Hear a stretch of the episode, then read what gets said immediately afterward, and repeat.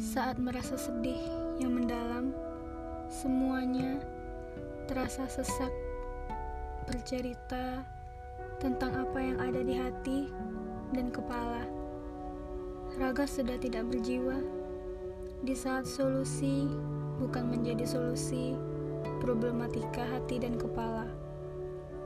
Di saat itu, kamu hanya butuh sedikit memendam dan menaikkan sedikit ego. Pada akhirnya, yang kamu butuhkan bukanlah sebuah solusi, tetapi kamu hanya butuh didengarkan, bercerita tentang problematika hati dan kepala, bercerita sampai kamu meneteskan air mata kesedihanmu, menangis bukan karena menyesal, tetapi karena kamu merasa lega dan kamu tidak sendiri. Setelah didengarkan, kamu hanya butuh pelukan agar kamu merasa lebih tenang.